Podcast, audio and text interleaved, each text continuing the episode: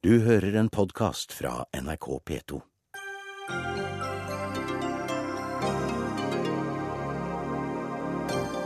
Ny politisk runde for fraværsgrenser i skolen. Elevorganisasjonen jubler for regjeringas foreløpige nederlag, men i Stortinget fortsetter dragkampen. Menneskehandel rammer flere barn i Norge enn vi tror, sier Redd Barna. De lever som slaver, men prioriteres ikke av dagens regjering. Og har du reservert deg mot telefonsalg? Da kan banken eller strømleverandøren din likevel ringe deg for å selge mer uten å bryte loven. Nå vil regjeringa endre reglene, men blir møtt med advarsler om tusenvis av arbeidsplasser som går tapt.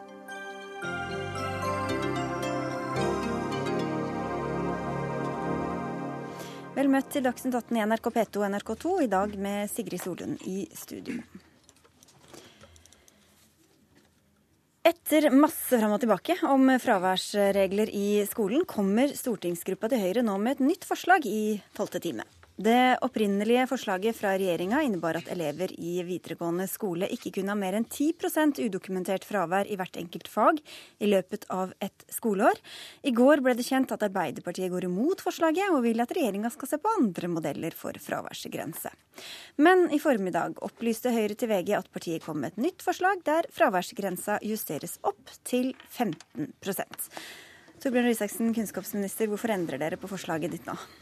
Ja, det, er noe, det er ikke noe helt nytt, dette. For det, vi har hele veien i arbeidet i komiteen, som jeg da ikke sitter i, men som jeg likevel forsøker å, å følge, vært åpne for at vi må kompromisse. Eh, og det vi har vært opptatt av, det er at hvis det er et flertall for en fraværsgrense, en nasjonal fraværsgrense, så burde det flertallet klare å samle seg om noen retninger, sånn at vi kan få på plass en fraværsgrense. Og jeg mener jo det er viktig for å forhindre skulk, og jeg mener det er viktig for å sikre også respekten for skolen og for lærerne, for å være helt ærlig. Så i praksis er dette et forsøk på å komme Arbeiderpartiet i møte?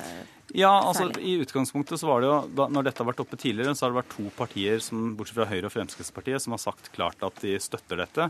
Kristelig Folkeparti de hadde en ærlig og redelig prosess hvor de endret standpunkt. Og så har det vært Arbeiderpartiet som nå har endret standpunkt i tolvte time. Men jeg er jo opptatt av å få på plass en fraværsgrense. og Derfor mener jeg også at det er fornuftig å strekke seg. Du bare glemte å si det som er ærlig og redelig når det gjaldt Arbeiderpartiet? Ja, jo da, men øh, de ja. Jeg har ikke noe behov for å karakterisere. Nei. Trond Giske, du er leder i utdanningskomiteen på Stortinget for Arbeiderpartiet. Og dere er jo for en grense. Dere er til og med sitert, eller du er sitert fra boka di 'La læreren være lærer' i det nye forslaget fra Høyre. Det er gode grunner for å innføre nasjonal grense for fravær. Du mente 10% var for lavt. Nå kommer de deg i møte. Gjør du det samme? Ja, vi er opptatt av å få et regelverk som for det første skape respekt for læring, eh, oppmøte i skolen. Eh, vi vet at fravær fører til frafall, og det skal ikke være sånn i skolen at man kan komme og gå som man vil. Eh, men vi er også opptatt av å lage et regelverk som er fleksibelt og tilpassa. Et av problemene med det regelverket Torbjørn Isaksen har foreslått, er at konsekvensen ville vært at det var helt greit med ugyldig fravær opp til 9,9 men hvis du fikk 10,1, så mista du hele karakteren i faget. Det er altfor stivbeint eh, og kan ha til dels veldig alvorlige konsekvenser, særlig for de elevene som sliter. men nå er det 15 som gjelder, da? Ja, eh, midt under gruppemøtet vårt. Da vi sa nei til dette forslaget fra Røe Isaksen, så fikk vi tekstmelding fra Høyre om at nei, nå hadde de et helt annet forslag. Det er en veldig rar måte å drive politikk på, og det er også et veldig rart frieri å bli nærmest skjelt ut av et helt døgn, for så å si at nå må vi lage et kompromiss. Det som er spørsmålet er selvfølgelig skal Stortinget sitte og lage denne forskrifta. Dette er jo egentlig en forskrift. Vår innstilling på det har vært å sagt at eh, det er veldig sjelden at Stortinget stopper en forskrift. Eh, Torbjørn Isaksen er en av de få statsråder som får den æren at man setter foten ned. Det er enda sjeldnere at Stortinget skriver forskrift. Så jeg tror nok heller at vi gir Torbjørn Røe Isaksen en ny sjanse, en mulighet til å gjøre oppgaven på nytt, i samråd med sektoren. Det er veldig vanskelig for stortingskomiteen å sitte med det arbeidet tett på de ulike organisasjonene. Hvorfor er det så vanskelig? Hvorfor kan ikke dere komme med deres egne innspill til hvordan denne regelen skal se ut, hvis dere er for en sånn regel i utgangspunktet? Jo, absolutt. Vi skal gi våre innspill. Vi skal f.eks. si at det må ikke være så kategorisk at hvis du har 9,9, så er det helt greit. 10,1 så stryker du, eller 14,9 så er det helt greit, eller 15,1 så stryker du. Vi skal sette opp en del premisser for hvordan dette regelverket skal se ut, men den detaljerte forskriften, det må Røe Isaksen skrive. Ja, men jeg, jeg, skal lage den detaljerte forskriften, men problemet her er at det Arbeiderpartiet har endt opp med, er å stemme for SVs forslag. SV er det partiet som klarest og tydeligst hele veien har sagt at de ikke ønsker en fraværsgrense. Og Det betyr at i praksis så har nå Arbeiderpartiet istedenfor å gå inn og gjøre det man normalt gjør i saker hvor man da tilsynelatende er enige om målet, men ikke akkurat hvordan man kommer dit, nemlig lage et kompromiss, så har de torpedert en fraværsgrense som det er stor støtte for blant lærere og blant sko men, men, men, det er ikke prosentgrensa de har, de har, sagt at de er mest imot, det er vel denne fleksibiliteten jo, de endrer. Så hva hjelper det å liksom øke til 15 nei, altså, hvis den er like rigid? Men, men dette hadde vært mye lettere hvis Arbeiderpartiet etter da har brukt Altså dette har vært kjent i halvannet år halvannet år siden Trond Giske sa at han var for en fraværsgrense. Det er lenge siden dette var på høring. Det har vært en av de mest engasjerende høringene som Utdanningsdirektoratet har hatt noen gang. Nesten 400 høringssvar.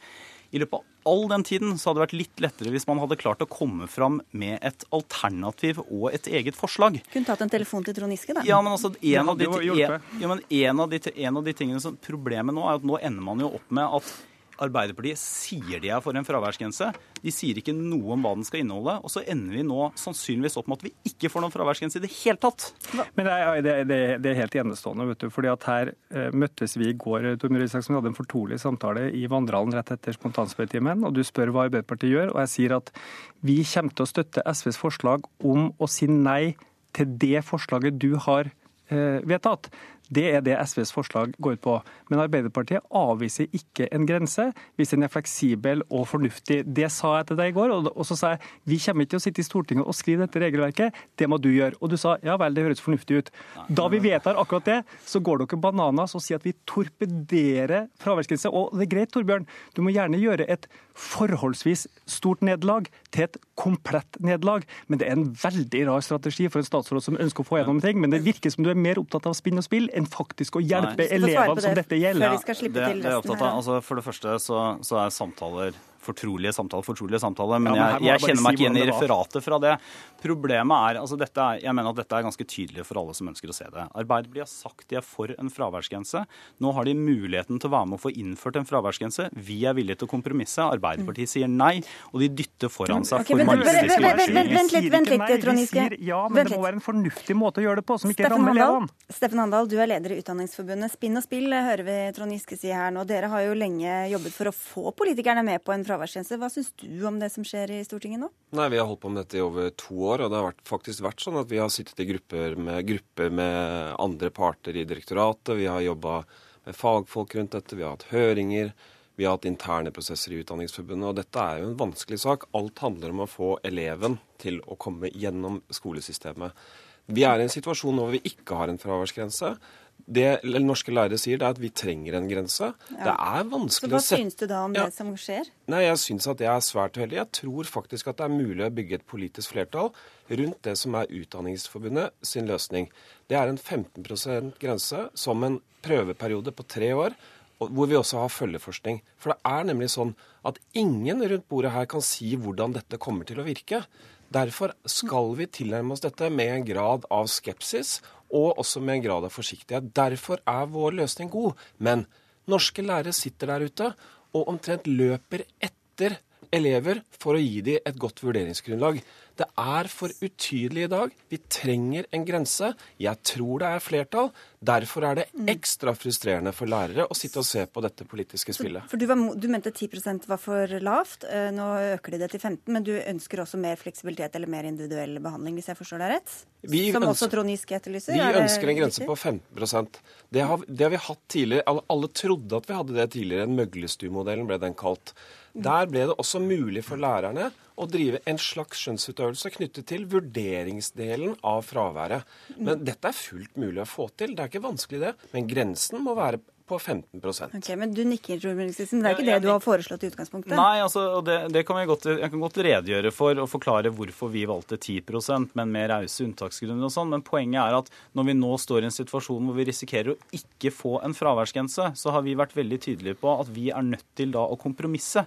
For er, og, det, og da, da er det jo i realiteten sånn ikke sant, at hvis man ønsker å klart og tydelig signalisere og gi et klart signal når Stortinget nå først har tatt saken, at ja, vi ønsker en fraværsgrense, vi ønsker å bekjempe skulk, vi ønsker å gjøre det som et massivt flertall av skoler og lærere har, mm. så er muligheten til det nå. Det skal ikke stå på Høyre, det kommer ikke til å stå på Fremskrittspartiet. Okay, jeg, må, jeg må bare få si en ting til. Veldig kort, vi må få inn elevene her også. Ja, det, er greit at uh, man skal bygge et politisk kompromiss, det skjønner jeg. Men man skal også lytte til profesjonen. Altså I denne eh, situasjonen her så har vi vært helt klare i over ett år på våre høringsuttalelser. Vi har gitt Som ikke er blitt hørt, da, mener helt, du? Vi har ikke blitt hørt. Mm. Og det er klart at det er uheldig at man da okay. istedenfor bruker masse tid på politiske kompromisser.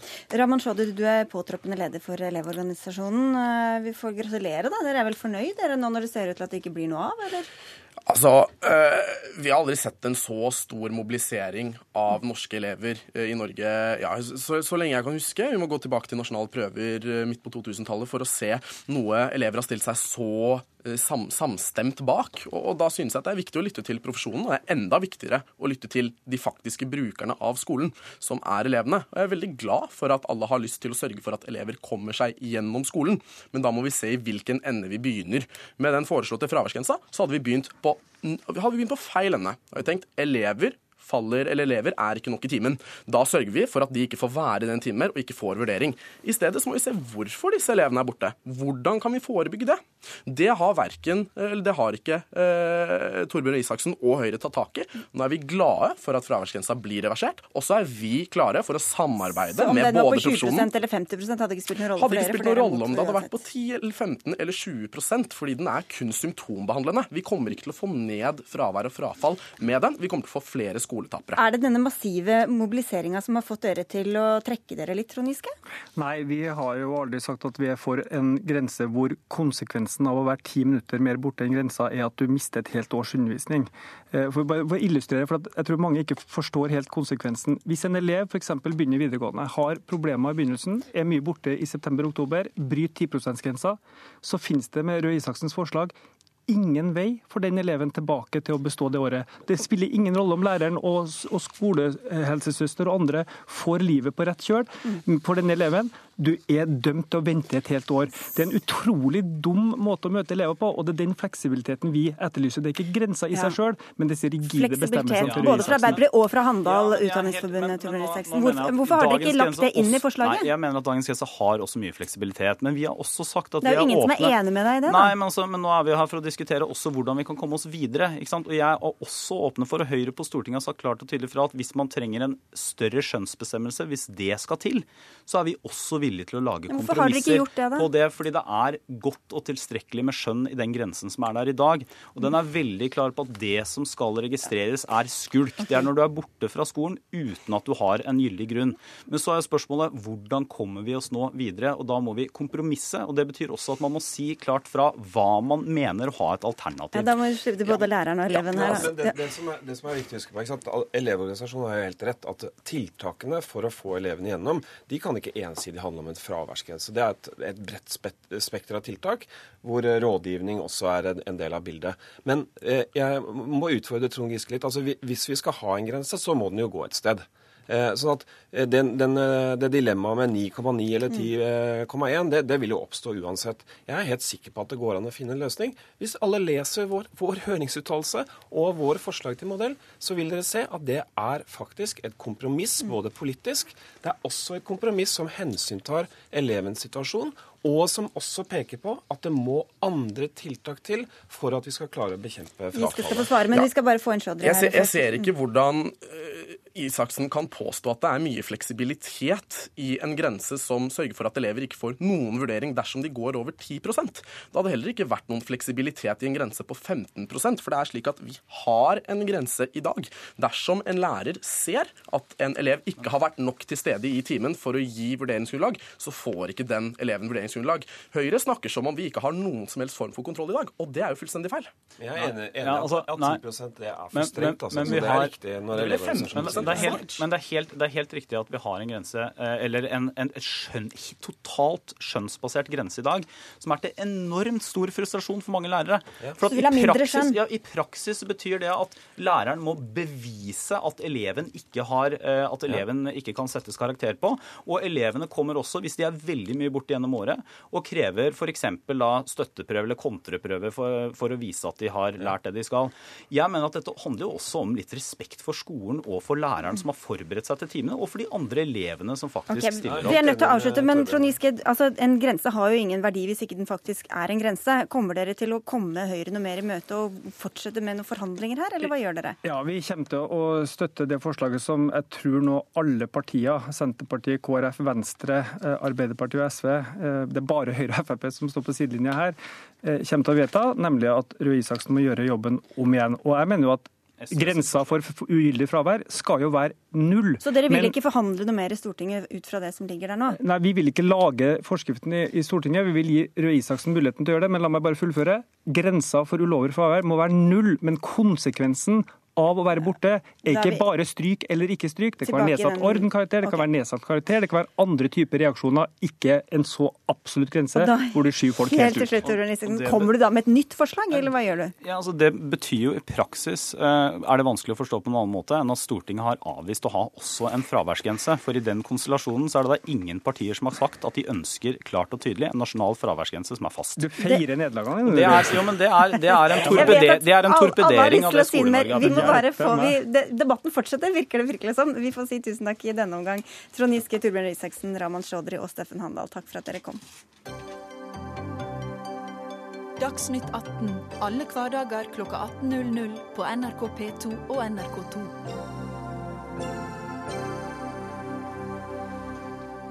Folk i Malawi trenger mat og vann, men fra Norge får de utdanning og helsehjelp. Malawi, som har erklært unntakstilstand, er et av de fattigste landene i Afrika sør for Sahara, og som følge av naturkatastrofer lever halvparten av de 17 millioner innbyggerne i sult.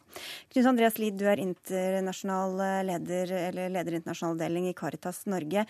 Og med dette bakteppet kritiserer du i Aftenposten hvordan den norske bistanden til Malawi er lagt opp. Hva er galt?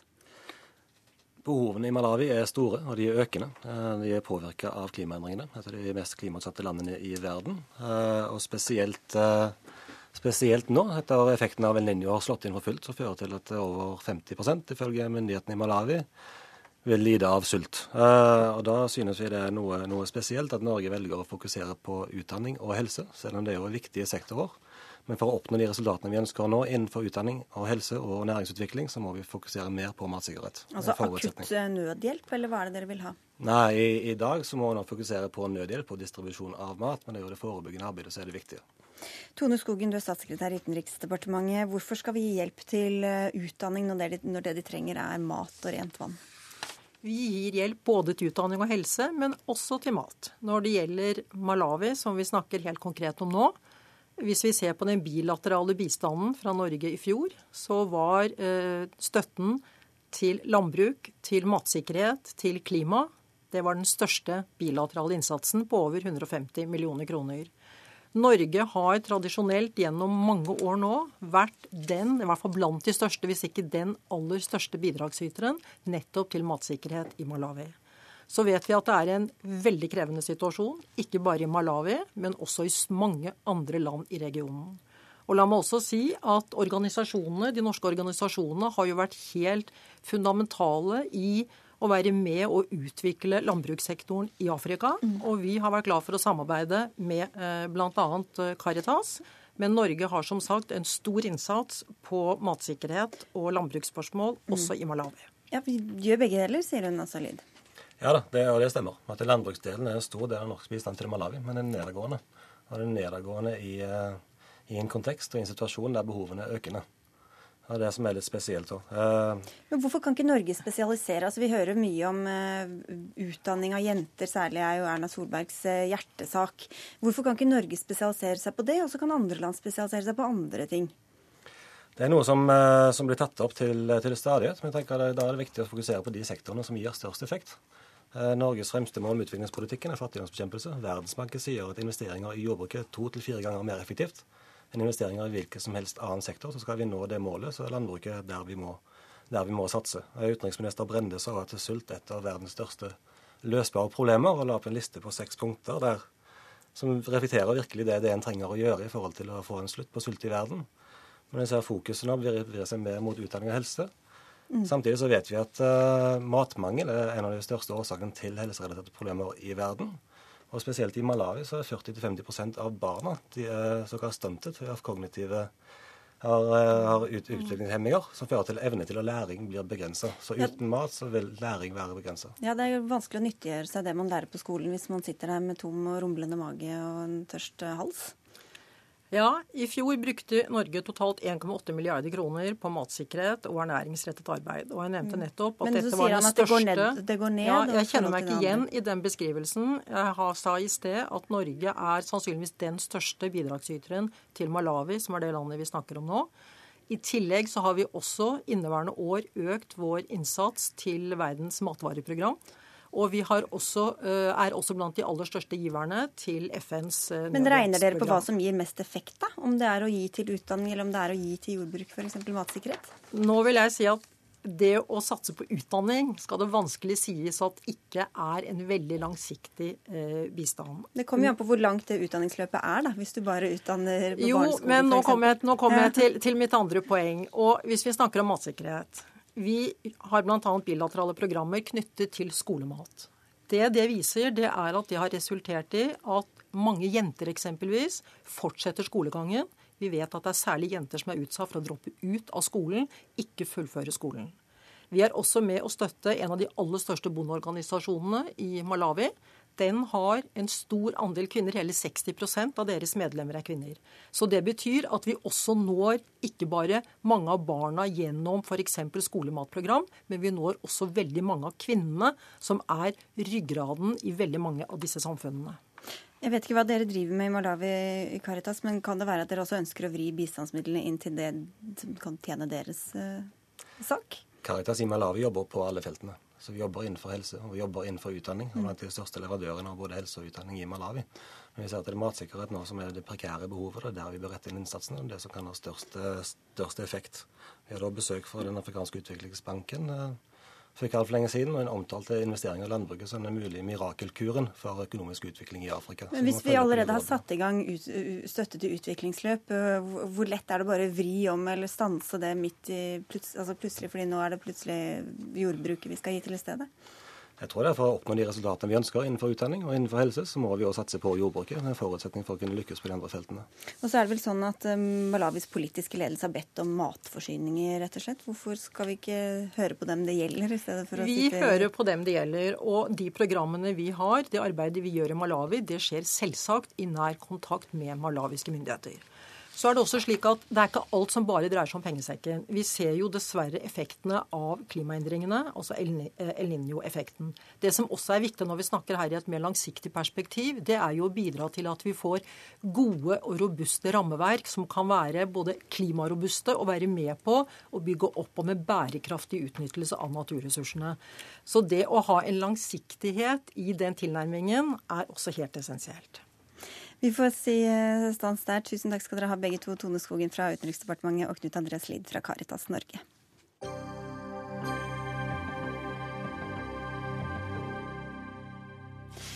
En del barn i Norge har ikke foreldre som bryr seg, eller en trygg seng å sove i. Flere barn som oppholder seg her, utsettes for menneskehandel og tvinges ut i prostitusjon, tigging eller narkotikavirksomhet, skriver Dagbladet. Mange er enslige mindreårige flyktninger som plukkes opp av kriminelle nettverk både utenfor og innenfor Norges grenser. Bare siden 2012 er 139 saker registrert, men mørketallene er store, skal vi tro forskere og eksperter. Blant andre deg, Hilde Lidén. Du er forsker ved Institutt for samfunnsforskning og har altså undersøkt hvordan barn rammes av menneskehandel i Norge. Funnene er samlet i rapporten 'De sa du må', som ble lansert i samarbeid med Redd Barna denne uka. Hva kan du si om hvem disse barna er? Ja, Det vi har gjort i denne studien, er jo å systematisere hva barn selv sier om hvordan de kommer inn i utnyttingsforhold. Og vi finner eh, fire ulike typer eh, nettverk. Eh, det ene er asylbarn som kommer på vei til og i Europa. Så utsettes de for noen kontakter som fører dem inn i noen utnyttingsrelasjoner når de skal tjene opp penger for å komme seg videre på neste etappe på reisen. Så dette skjer da, både i Tyrkia, i Hellas og oppover i Europa. En annen uh, type nettverk er uh, organisert uh, nettverk som krysser kontinenter. Altså det er barn som blir forestilt en annen fremtid, en god fremtid i Europa, og så blir de da fraktet, ofte fulgt opp, og ender bl.a. i Norge hvor det også da er det samme nettverket som har sitt, sine Eh, forgreininger. Mm. Et tredje nettverk er eh, et mer europeisk basert altså da, da, er det snakk om miljøer i barns nærmiljø. Det kan også være familierelatert. Vi kjenner flere saker som har vært i rettssaken i Norge, både fra Romania og baltiske stater. Og det fjerde eh, er eh, disse unge eh, på drift i Europa, som er vi ofte kaller de nordafrikanske guttene. Som jo lever på gaten, som er Ja, de er på turné, som de selv sier. Mm. Og ja. ja. Og disse gruppene, det er altså det er prostitusjon, det er narkotikasalg osv. sånn de utnyttes i, det gjør i de. Norge? Og ofte er det kombinerte uh, utnyttingsformer, uh, men også uh, da noen som er spesifikke for noen av disse typene utnytting. Det er vanskelig å si hvor mange det er. Kan du si noe om hvor gamle de er, disse barna? Eh, altså de, de, eh, de, gutta på drift fra Nord-Afrika, der har vi jo eh, møtt noen som er 12-13-14 år gamle. Det er mange i Sverige nå for tiden. og men de som kommer, de, de er jo ofte 14-15-16 og, og, og, ja. Mm. Line Hegne, du er kommunikasjonssjef i Redd Barna, og dere sier at regjeringa bortprioriterer disse barna. Hva er hovedproblemet som dere ser det? Det er jo rett og slett en eh, systematisk forskjellsbehandling av noen barn på norsk jord. Det er ikke barn med norsk opprinnelse som lever i slaveri eh, og utsettes for menneskehandel i Norge. Eh, det er barn som kommer hit fra, fra andre land. Og jeg tror nok ikke vi hadde akseptert at man ikke gjorde alt man kunne for å få barn ut av slaveri og menneskehandel, hvis det var eh, Eh, norske barn, mens eh, det ikke settes de tiltakene som, som, trengs, og de ressursene som trengs for å ivareta disse barna. Så det er rett og slett en, eh, en mang, et, et, stort mangel på ansvar for barn i en ekstremt sårbar og kritisk situasjon. Og dere etterlyser en handlingsplan fra regjeringa ja, ja stats, jeg skal få svare på det. Statssekretær i Justis- og beredskapsdepartementet Ove Vanebo. Forrige handlingsplan for menneskehandel gikk ut i 2014. Nå er det gått eh, to år. Hvorfor står vi uten en plan for å hjelpe disse barna? Nei, det er flere svar på det. Det som er eh, antageligvis det mest avgjørende, er jo at dette er et veldig sammensatt arbeid som krever eh, innsats fra flere sektorer. Og så er det jo sånn at det kommer opp en del nye problemstillinger som vi er nødt til å ta inn. og Da er jo f.eks. dette noe som helt sikkert kommer til å bli omtalt i handlingsplanen. Eh, jeg satt med et utkast eh, til handlingsplanen før jeg kom hit, så det er eh, helt klart noe som vi skal berøre, og som kommer til å bli Byte tatt inn der. Begynte du på det da, eller var det godt i gang? Nei, det var godt i gang. Så, såpass, såpass, kan jeg si. Men så er det jo sånn også at for å kunne vite hva slags tiltak vi skal sette inn, så må vi også kartlegge hvordan situasjonen er, sånn at vi da har målretta tiltak. Og da er det jo sånn at forskningsinstitusjonen Fafo nylig har kommet med en rapport som berører noen av disse problemstillingene etter bestilling fra Barne- og likestillingsdepartementet. Og nå har vi fått veldig mye bra kunnskap der som er naturlig å, å ta med seg videre der. Eh, det gjelder bl.a. at eh, man ser at det kan være vanskelig å treffe hensiktsmessige tiltak for å møte barna. Og så er det også noe med at førstelinjetjenesten som møter barna, også må kunne få folk videre i systemet. Ja, det, og det er så klart ting vi kommer til å ta med videre. Ja, for Hva er problemet, Hegne? Hvordan er det disse barna ikke fanges opp uh, av systemet? De uh, forsøker, mange. Uh, både politi som møter de, barnevern som møter de, UDI som møter de. Prøver på sitt vis, på aller beste vis, med begrensa ressurser og begrensa kompetanse på det som er et sammensatt problem å møte de barna. Det som mangler, er noen som har har det overordna sentrale ansvaret. Og selv om det er fint å høre at, uh, at handlingsplanen uh, snart er klar, hvis jeg hører deg rett, så har vi altså ikke hatt en handlingsplan siden 2014. Og det er ikke sånn at man ikke har hatt uh, kunnskap og informasjon om dette. Fafo, som du refererer til, de ga ut en rapport også i fjor som henter 'Ikke våre barn', som også dokumenterte dette. Så vi mener jo at her må det jo stå på, på viljen og mangel på prioriteringer. For dette kunne man ha satt inn tiltak på og fått på plass en handlingsplan mye tidligere. Og det er viktig å huske at en handlingsplan er nødvendig å ha i bånn for å faktisk eh, forplikte regjeringen og myndighetene på tiltak og på ressurser. Du sa det var mange grunner til at det ikke var noen handlingsplan, men her er det vilje og prioriteringer som foreslås som hovedårsak? Ja, og da må jeg selvfølgelig også få frem at det er jo gjort mye allerede. Eh, det man skal huske er at uh, Dere har ikke kommet med noen handlingsplan, da? Poenget er jo da mer hva slags tiltak vi har. For det var jo spørsmål her om, om vi er handlekraftige nok. Og da er det jo sånn at uh, Utlendingsdirektoratet har klare føringer for asylmottakene. Da er det sånn at uh, hvis de som arbeider på mottakene oppdager at det kan være mistanke om at personer utnyttes i menneskehandelssituasjoner, så er det helt klare føringer på at da skal man involvere politi, barnevern, Eh, advokat og også kontaktperson til asylsøkeren. Så det er klart at eh, mye av dette er jo allerede på plass. Mm. Og, men, men, men så er det spørsmålet om hvordan disse koordinerer. Bufdir eh, opplyste mm. f.eks. i Dagsnytt 18 at de har ansatte som jobber med tvangsekteskap, men ikke med menneskehandel, og at de ikke var riktig instans å kontakte. Politiet henviste videre til Politidirektoratet. Mm. Eh, hvor, hva sier det om hvem som tar et koordinert ansvar for dette her? Nei, altså jeg tror det sier uh, egentlig flere ting. Det ene er jo at uh, dette er jo et saksfelt som krever at flere etater er inne. Uh, et veldig godt eksempel på det er jo at nå organiserer man politiet for å få spesialenheter og gode fagmiljøer som bl.a. skal ta seg av, av menneskehandel. Og i det handlingsplan-opplegget som vi nå lager, så vil det jo da bli berørt om man da skal f.eks. se om koordineringsenheten for ofre for menneskehandel skal ha mer å si? Eh, skal man da finne bedre andre måter å kommunisere på? Eh, hvor er det stopper, og hvor er det man skal starte? Så det er jo ting som helt klart skal følges opp. Men igjen, eh, det gjøres allerede ganske mye. Og Liden, du har kanskje noen forslag til hva som burde skje? Ja, En av de forslagene vi kommer med, det er jo at det må defineres en overordnet instans som følger saken, hver av sakene. Ikke bare at det er en overordnet instans som følger feltet, men, men også sak. For nå er eh, hver av disse instansene de har sitt etatsansvar, men hva som blir en, den en, enkelte saken ender med, det er veldig tilfeldig, og ofte forsvinner det ut av. Ingen kan endelig stilles til ansvar i dag når uh, disse barna glipper og vi ikke får gitt dem den hjelpen de har. og Det er det vi må få på plass. Der har Europarådet kritisert Norge, uh, og der er det konkrete løsninger man kan få på plass hvis man ønsker. Og når kommer det noe konkrete av Vanebo? Nei, nå, nå, er jo dette en problematikk som da selvfølgelig må inn, som gjør at uh, det vil ta litt tid. Men vi håper da rett over sommeren at da, da vil planen være klar. Uh, men så vil jeg også bare si at det er mange parallelle prosesser som foregår.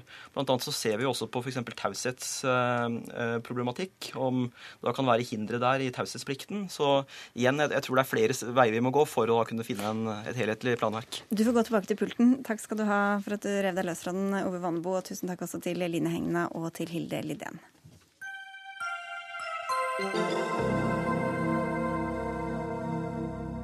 Men vi holder oss til temaet, for i dag skriver Dagbladet om en 16 år gammel romjente som fikk bli i sin mors varetekt etter at fylkesnemnda overprøvde barnevernets vedtak om å ta vare på jenta. I tillegg til å være gravid mistenkte barnevernet at jenta var utsatt for menneskehandel. Likevel fikk hun altså bli hos moren sin. Cecilia Dinardi, du er advokat og spesialist på barnevernssaker, og en av flere som reagerer på fylkesnemndas beslutning i denne saken. Hva burde ha skjedd, mener du? Jeg må jo ta et forbehold. Jeg har ikke lest vedtaket, kun lest eh, saken i avisen. Men hvis de uttalelsene som det vises til fra vedtaket der er riktige, så reagerer jeg sterkt. Og da særlig i forhold til at man eh, benytter dette kulturargumentet og på den måten behandler barn helt ulikt og utelukkende på bakgrunn av opprinnelse og status. Det tenker jeg er hårreisende at vi ennå den dag i dag kan holde på med den type vurderinger, hvis det er riktig. Ja, kultur, da, da var det ved dette med at det ble lagt vekt på at uh, i deres kultur ble det ansatt som naturlig at også større barn bidrar, altså underforstått til å skaffe inntekter, da, selv om det er uheldig. Ja, altså Det ble jo konstatert menneskehandel, hvis det er riktig å forstå. Og eh, likevel da, så tenker man at det ikke vil være vesentlig skadelidende for dette barnet å få beskyttelse etter eh, barnevernloven. Pernille Pettersen Smith, du er direktør for fylkesnemndene for barnevern og sosiale saker. Før du svarer på akkurat denne avgjørelsen, kan du kanskje si hva er egentlig deres rolle i sånn type saker? Mm. Eh, fylkesnemndene for barnevern og sosiale saker er eh, uavhengige, eh, er uavhengige partsnøytrale og domstolslignende avgjørelsesorganer. Slik at når det kommer sånne saker, så fremlegger det kommunale barnevernet en, et forslag om plassering f.eks. da for et barn. Og så vil det da foregå en partsnøytral prosess sånn som i domstolene i fylkesnemnda. Og Der ville barnet også med sin eh, advokat kunne fremlegge sitt syn på saken. Og så vil eh, nemnda, som består av tre personer, en eh, nemndsleder med dommerkompetanse og en fagkyndig og et alminnelig medlem, høre på partene, og de får anledning til å kommentere. Og så vil de på et skjønnsmessig og faglig grunnlag ta sin da nøytrale avgjørelse. Og Hvorfor besluttet dere å overprøve barnevernet i denne saken? Eh, hver sak blir jo vurdert helt uh, konkret. Når det gjelder å kommentere enkeltsaker, så gjør vi ikke det. Uh, det kommer bl.a. av at saker skal overprøves av tingretten og ikke av oss her nå i studio. For øvrig så vil jo et grunnlag for saken være mye videre og større enn det som kommer frem av et vedtak som kan være anonymisert. Men jeg kan jo si litt om den type vurderinger. Dette er jo inngripende tvangsvedtak. Og eh, vilkårene kan eh, være til stede eh, etter noen av bestemmelsene. Men samtidig så er nemnda da pålagt å vurdere som et tilleggsvilkår om plasseringen etter en helhetsvurdering er til barnets beste. Og da eh, sier eh, bl.a. forarbeidene veldig tydelig at hvis barn i sånne saker som eh, vi her snakker om, selv ønsker å reise tilbake til hjemlandet, så skal det legges vekt på det. Ja, men eh, det, Jeg har ikke fått noen opplysninger om at det er tilfellet i denne saken. Her har jo, etter det som står i, i dagens avissak, så vises det jo utelukkende til eh, den kulturelle bakgrunn som årsaken til at de likevel ikke vurderer å plassere dette barnet. Det sies ingenting om eh, barnets ønske om å komme til hjemlandet osv. Så, videre. så mitt spørsmål til deg er jo rett og slett på om hvordan tenker man seg denne ulike standardvurderinger ut ifra barnets eh, bakgrunn og status. Er det riktig? Ja, hvor mye legges vekt på denne kulturelle forskjellen? Det er jo sånn som jeg sa innledningsvis, at vi alltid vurderer hver enkelt sak veldig konkret. Og vi lytter til barnet. Og det er både i Barnekonvensjonen og i norsk barnevernlov veldig okay, si, si sterke no bestemmelser om barnets medvirkning og deltakelse. Ja. Så barnet er jo her blitt lyttet til. Og desto eldre barnet er, desto mer vekt legger vi på hva barnet mener. Og her er eh, ja, Hvis det er større barn, da, så, så mm. vil deres eh, egne meninger blir, blir, vesentlig vektlagt. Men er det grunn til å tro at et, en norsk 16-åring som var gravid og satt og tigget på gata sammen med moren sin, som vel mer eller mindre utnyttet henne, ville blitt behandlet helt likt som en romjente? Det er sånn at eh, det kan sikkert eh, høres eh, Eh, rart ut. Og jeg skal ikke kommentere denne saken, men hvis vi skulle tenke oss at en eh, norsk eh, pike, eldre pike, altså et større barn, satt og tigget på gaten i Spania, så kan det jo hende at vi tenkte det var fint for det barnet å komme hjem til Norge fremfor å bli plassert fire måneder på institusjon i Spania. Det vet ikke jeg, men det må vi ha, det, det, sånne konkrete vurderinger kan jeg ikke gå inn i. Nei, men, men det er også slik at... om de såkalte kulturforskjellene spiller inn eller ikke? Eh, vi hensyntar at eh, barn kommer fra forskjellige land, og barnet, hva barnet selv oppfatter som et eh, vanlig bosted og sitt hjemland i saker. Og det gjøres i eh, alle barnevernssaker. Ja, hvorfor skal man ikke legge vekt på det, Dinardi? Jeg må bare få lov til å stille et kort spørsmål først. For vi har jo forskning fra Kvinnerettsinstituttet på Universitetet i Oslo fra 2010, eh, hvor det ble gjennomgått eh, Man studerte en rekke antall fylkesnemndsaker, hvor man så på den kulturelle bakgrunnen i familien og barna, og hvordan disse ble behandlet og hva det resulterte i. Og der kom man jo frem til at det var veldig ulikt ulikt hvordan fylkesnemndene vurderte å behandle etter hensynet, altså kulturbakgrunn, og hvor eh, særlig asylsøkere og flyktninger i flere saker viste det seg at eh, man hadde en betydelig lavere terskel eh, i forhold til å vurdere og gripe inn. Og da er jo mitt spørsmål altså hvilken betydning tenker du at det har, med tanke på hvordan man ser på hvordan disse sakene behandles i fylkesnemndene? Har dette blitt på en måte drøftet i innenfor din sfære?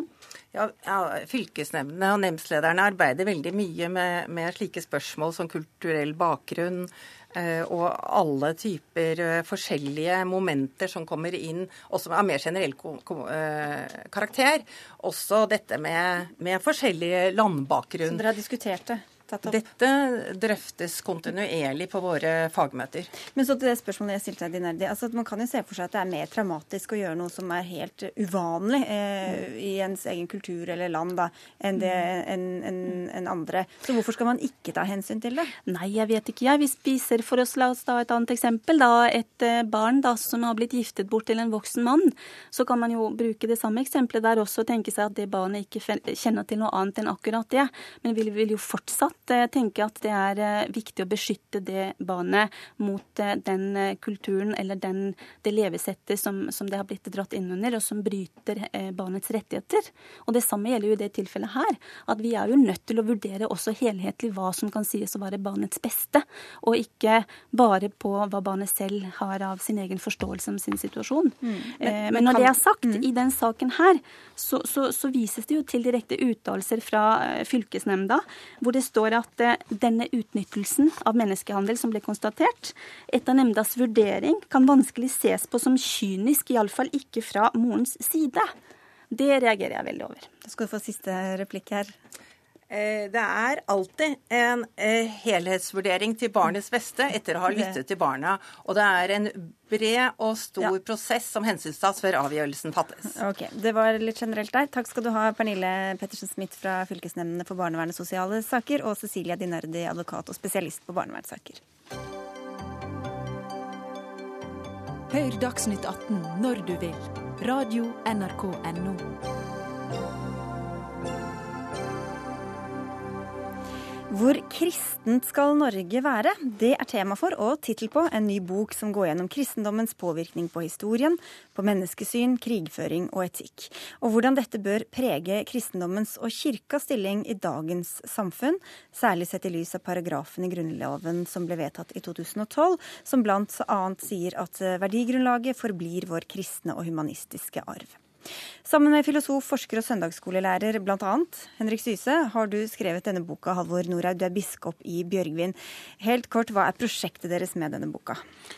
Eh, prosjektet vårt er å forsøke å gi en framstilling eh, med vekt på historien, hvor vi viser hvordan kristendommen har eh, på avgjørende vis preget vår del av verden og gitt oss ikke bare kristendom, men kristendommen har vært en helt sentral leverandør av de verdiene som vi i dag vil si er humanistiske fellesverdier, sånn som f.eks. menneskeverd, rettsstat og demokrati. Og vi er opptatt av å fortelle den historien, fordi den ofte ikke blir, den blir ikke fortalt. Eh, så den løfter vi fram. Og så mener vi jo at det også er legitimt at Grunnloven da snakker om vår kristne og humanistiske arv. Eh, og vi prøver da å gi innhold til den bestemmelsen. Men det er ikke alle som er like imponert over den historiefortellinga. Du Even Gran, du er journalist i Fritanke.no, Fritanke som er nettavisa til Human-Etisk Forbund, og skrev en nokså kritisk anmeldelse eller kommentar um, om denne boka. Hvor godt bilde synes du de tegner av kristendommens påvirkning gjennom 2000 år? Nei, altså Jeg synes de ser på kristendommen uh, med veldig snevre briller. Altså Det er på en måte bare solsida som vises fram. Jeg benekter jo på ingen måte at kristendommen har hatt positiv innflytelse da den oppsto i, i, i Romerriket og, og, de kom til makta der. Men uh, men etter hvert som de kom til makta, så skjedde jo selvfølgelig det som svært ofte skjer når opposisjonsbevegelser kommer til makta, det at makta korrumperer. Og opp gjennom historien så vet vi jo veldig godt hvordan kristendommen har alliert seg med statsmakt osv. I, i ulike land i Europa, og, og det har ført til undertrykking av annerledestenkende. Så det har veldig mye å si. Det, det med de brillene de bruker når de ser på kristendommen. Det er bare det positive. Og, men, men, du kan jo like godt velge å se på brillene med brillene f.eks. som Christopher Hitchens da, ser på når han snakker om at religion forgifter alt. Og Hvis du leser den boka, og leser kanskje boka til Nordhaug og Syse etterpå, så er det mulig at du får et litt mer balansert syn. da. Dere nevner jo litt sånn i forbifarten at kirka også har stått for overgrep på kriger og maktmisbruk i Nordhaug. Men hvorfor vier dere de negative sidene så lite plass? Ja, Nå mener jo jeg at Even Grans kritikk i hovedsak er forfeilet. fordi at det han trekker fram, det er altså Og det blir jo veldig tydelig det han nettopp sa. Han snakker om at kristendommen har alliert seg med makta. Og vi gjør i vår bok veldig tydelig skille mellom den kristne påvirkningen, som jo er veldig bred, og som på en måte er eh, den lufta som, eh, som Europas åndsliv har pustet i mange århundrer, og kirka som institusjon. Og jeg er helt enig med Gran i at kirka som institusjon veldig ofte har kommet skeivt ut på maktas eh, side. På den annen side må vi heller ikke glemme at kirka som institusjon var det som drev fram både helsevesen og undervisning i Europa. Så historien er sammensatt. Og ofte har kristne verdier blitt ivaretatt vel så godt av bevegelser utenfor kirka mm. som av kirka selv. Og Det er et viktig poeng som vi også nevner i vår bok flere ganger. Du blander kristen mm. tankegang og kirka som maktinstitusjon. Ja, men, men det, det Norhaug sier nå, det viser jo egentlig litt av mitt poeng i, i, en, i en, del av uh, anmeldelsen. Fordi at kristendommen da har, uh, har jo vært så gjennomsyra i samfunnet. Det har vært en folkebevegelse, det har vært en del av makta, det har vært en del av, institu av det institusjonelle kirkeapparatet. Så litt sånn alt ettersom hva du fokuserer på der, så får du på en måte de svarene du har. Du kan ikke isolere kristendommen og si at kristendommen har ført til verken det ene eller det andre. For det har vært eh, det, har vært det samme som samfunnet vårt. Ja, for, når, når, men for Dere gir jo kristendommen mye av æren for at vi sluttet å drepe små barn, og for at kvinner og slaver fikk bedre kår, bl.a. Men hvordan kan dere vite at ikke de samme utviklingen hadde skjedd uten nødvendigvis kristen tro? At det kanskje var kirka som tok opp strømninger i samfunnet ellers, og ikke omvendt? Ja, det er jo et uh, hovedpoeng for oss uh, nettopp ved å gå til første, de første 300 år av kirkens historie og vise at f.eks. det var helt vanlig med både abort eh, i stor skala og også drap på nyfødte fostre, og særlig jentebarn. Og Dette tok kirka et kraftig oppgjør med. Og Det hadde ikke skjedd hvis det ikke kristne kirke kom til. Og det er ikke riktig. Og jeg mener det er intellektuelt uredelig å si det at det er umulig å påvise hvilken betydning eh, kristendommen har hatt i Europa. Det går an å se på hva skjedde med Romerriket da kristendommen kom dit, og hva skjedde med den norske makt- og æreskulturen som vi hadde omkring årtusen da kristendommen kom til Norge. I begge tilfeller så var det tydelige fremskritt for menneskeverdet, både i samfunnslivet og i rettsvesenet. Jeg benekter ikke det, Norhaug. Men, men, det er en ting som jeg synes dere, benekter, som dere ser fullstendig bort fra. Det er jo på en måte kristen, helt sånn sentral kristen lære om de to utgangene av livet, om himmel og helvete. Og hvordan de frelste og hvordan de ufrelste skal dømmes til evig pine. Og hvordan det har vært et, et maktmiddel for, for maktmennesker opp gjennom historien til å til å dømme folk som ikke passer inn i, et, i snevre rammer, til, til utenforskap. Eh, det er en iboende todeling som, som, bidrar, som har ført til diskriminering og stenging av annerledes tenkende. Det er en tankegang som på en måte bare nå helt i det siste har blitt litt sånn mykt opp av en del sånn liberale teologer i Vesten. Men i kristendommens 2000-årige historie så har det vært helt, et helt sentralt grep for å få folk til å, til å marsjere i takt og, og diskriminere utenforstående. Jo, men altså, Vi påviser jo også da, hvordan nettopp på kristen mark tanken om menneskerettighetene, om ytringsfrihet, om samvittighetsfrihet, om trosfrihet har vokst fram. Og med disse frihetene her er det jo ofte dårlig stelt eh, i andre deler av verden. Mm. Så det at kristendommen opererer med et skille om man tror eller ikke tror, har jo ikke dermed betydd at man har tvunget alle til å tro. Det har skjedd gjennom historien, men kristendommen har også vært en viktig pådriver for å drive fram nettopp de menneskerettighetene vi i dag har. Men så er det sånn at boka munner ut i en slags konklusjon om hva alt dette historiske bør få å si for kirka, og også kristendommens særstilling i dag, særlig ut fra denne nevnte grunnlovsendringen, der denne særstillingen altså ble presisert. Du likte jo ikke disse paragrafene i det hele tatt. Even Gran, men du mener også at det er en kortslutning fra bokas eh, forfattere om hvilke praktiske konsekvenser denne lovfestingen av Ja, kirkas jeg, posisjon? ser, jeg, jeg vet jo det er kontroversielt internt i kirka, altså, men Nordhaug øh, mener jo at paragraf 2 ikke bare er en sånn flaggparagraf, men også at den også skal få konkrete politiske konsekvenser, som f.eks. at den kan brukes som et argument for å fortsette at, at den norske offentlige skolen skal fortsette å, å arrangere forkynnende gudstjenester i skoletida. Også men, mener en da tydeligvis også, det kan en jo si litt om etterpå, at, at det, det bør føre til at legalisering av aktiv dødshjelp aldri kan skje i Norge, fordi at vi da har knesatt et prinsipp om kristne og humanistiske verdier. Det syns jeg er å gå veldig langt i å, i å gjøre det her til en og for at det får politiske konsekvenser av den paragrafen. Da. Og også da Mm. som en konsekvens av alt dette flotte dere lister opp, eh, Nordhaug. Men hvorfor skal dette, hvordan kommer du fram til denne, til denne konsekvensen, egentlig? Nei, altså vi, vi mener jo at det er et historisk grunnlag for å si at uh, det, det finnes en kristen og humanistisk arv i Norge. Uh, og Så sier jo også Grunnloven at Den norske kirke forblir Norges folkekirke. Da er det ikke urimelig at det samarbeidet som historisk sett har vært mellom Den eh, norske kirke og skolen, kan fortsette, f.eks. For i form av skolegudstjeneste med full fritaksrett.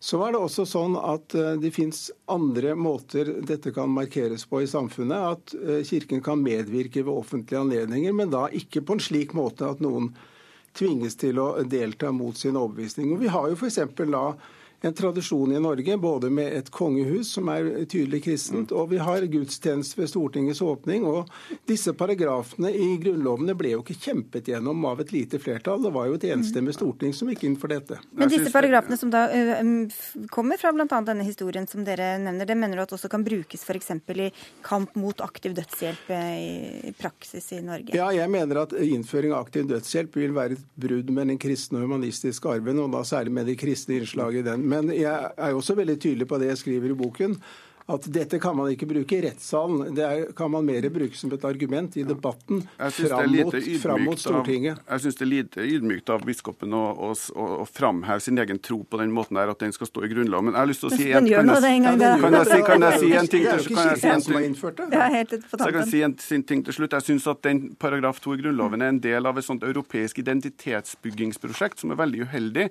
Som, som fører til at hvite europeere skal snakke om sin kultur og sin kulturarv og bygge en europeisk identitet, hvilket fører til at noen blir utenfor. Og det blir da gjerne muslimer i Europa som også starter å bygge sin identitet, og det skaper økende splittelser og ute, utenforskap i samfunnet okay, vårt. 20 sekunder, Det er det- Norhaug. Så Dette er jo en påstand fra Grans side som han da bare fremsetter og ikke kan, kommen- kan dokumentere. Tvert imot så mener jeg at i det norske samfunnet og i Vest-Europa generelt så er det en genuin vilje i befolkningen, også blant politikerne, til å inkludere eh, folk som tror annerledes, f.eks. muslimer. Og dette er nettopp en del av den kristne tradisjonen. Vi får si tusen takk til dere der. Vi kunne holdt på lenge, men vi har ikke mer tid. Halvor Norhaug og Even Gran, takk skal dere ha.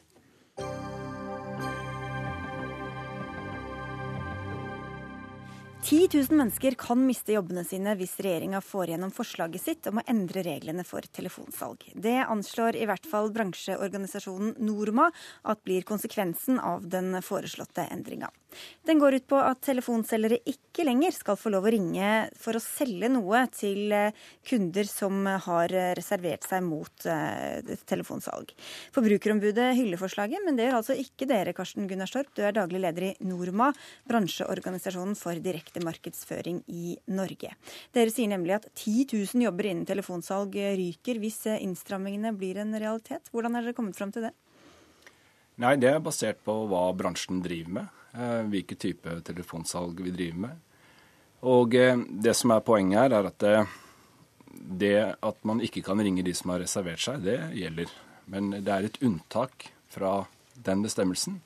Og det er at selv om man har reservert seg, så kan man eh, ringe det som kalles eksisterende kunder. For å tilby nye pakker eller andre tilbud osv.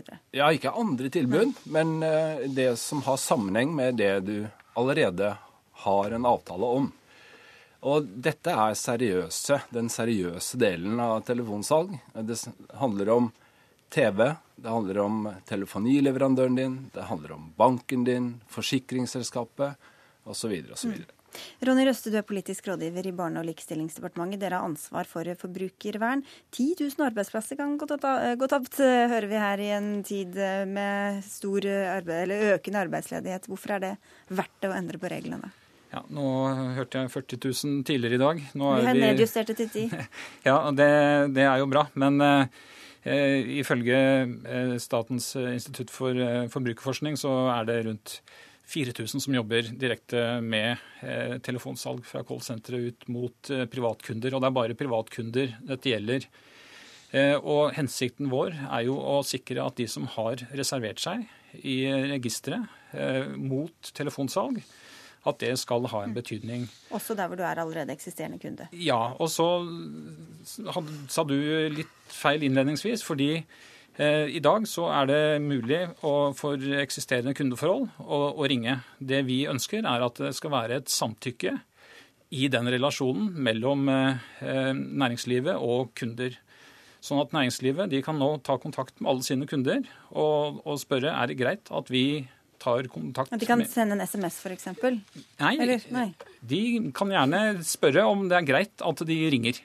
Sant? Hvis vi kommer med nye produkter, er det greit at vi ringer og få en bekreftelse på det fra kunden, mm. så er det helt i orden. Men, kommunen, eller, men, men, dere strammer inn litt uh, her ja, i hvert fall? Ja, kunden må samtykke. Ja. Det må den ikke i dag. Kunden kan være, ha reservert seg i dag mot telefonsalg, men allikevel bli oppringt i et uh, kundeforhold. Og så er det litt forskjellige definisjoner på kundeforhold. En del av disse kundene oppfatter ikke nødvendigvis uh, det å være et kundeforhold, det samme som bransjen gjør bestandig.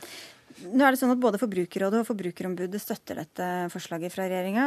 Likevel sier du at det er lite forbrukervennlig. Hvordan kan det ha seg? Ja, Først vil jeg snakke litt om de tallene her. fordi Det speiler egentlig at eh, dette lovforslaget for, fra forbrukermyndighetene er dårlig forberedt. Fordi også høringsnotatet snakker om 4000 ansatte i callsenteret. Men det de glemmer, er de 35 000 andre som jobber rundt forskjell, i forskjellige bedrifter, som driver med telefonsalg hver dag.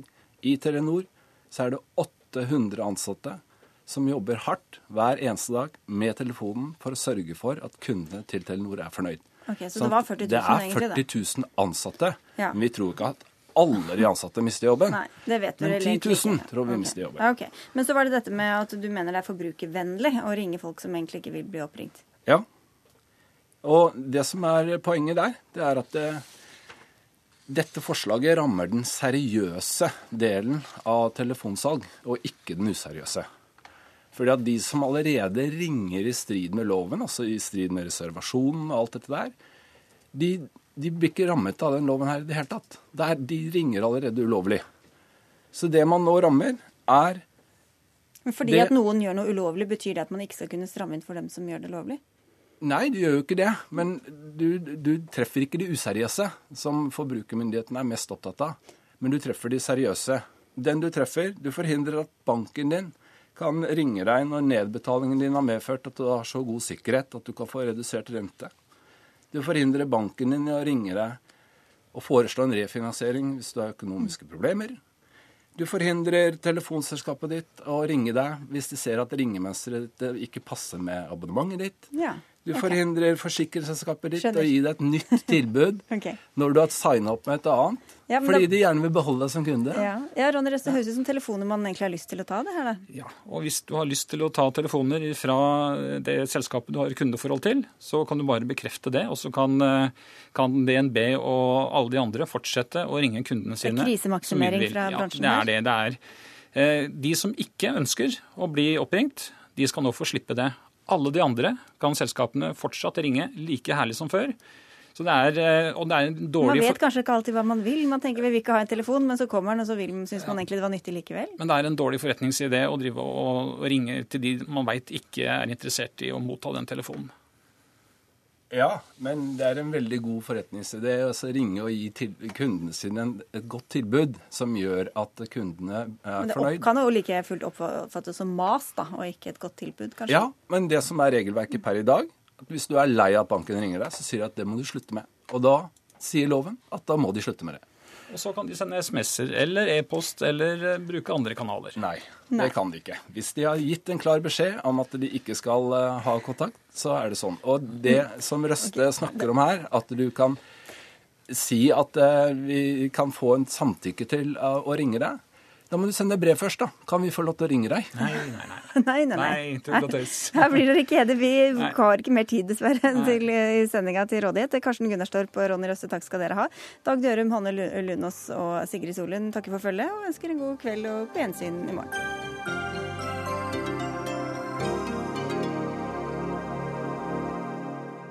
Du har hørt en podkast fra NRK P2.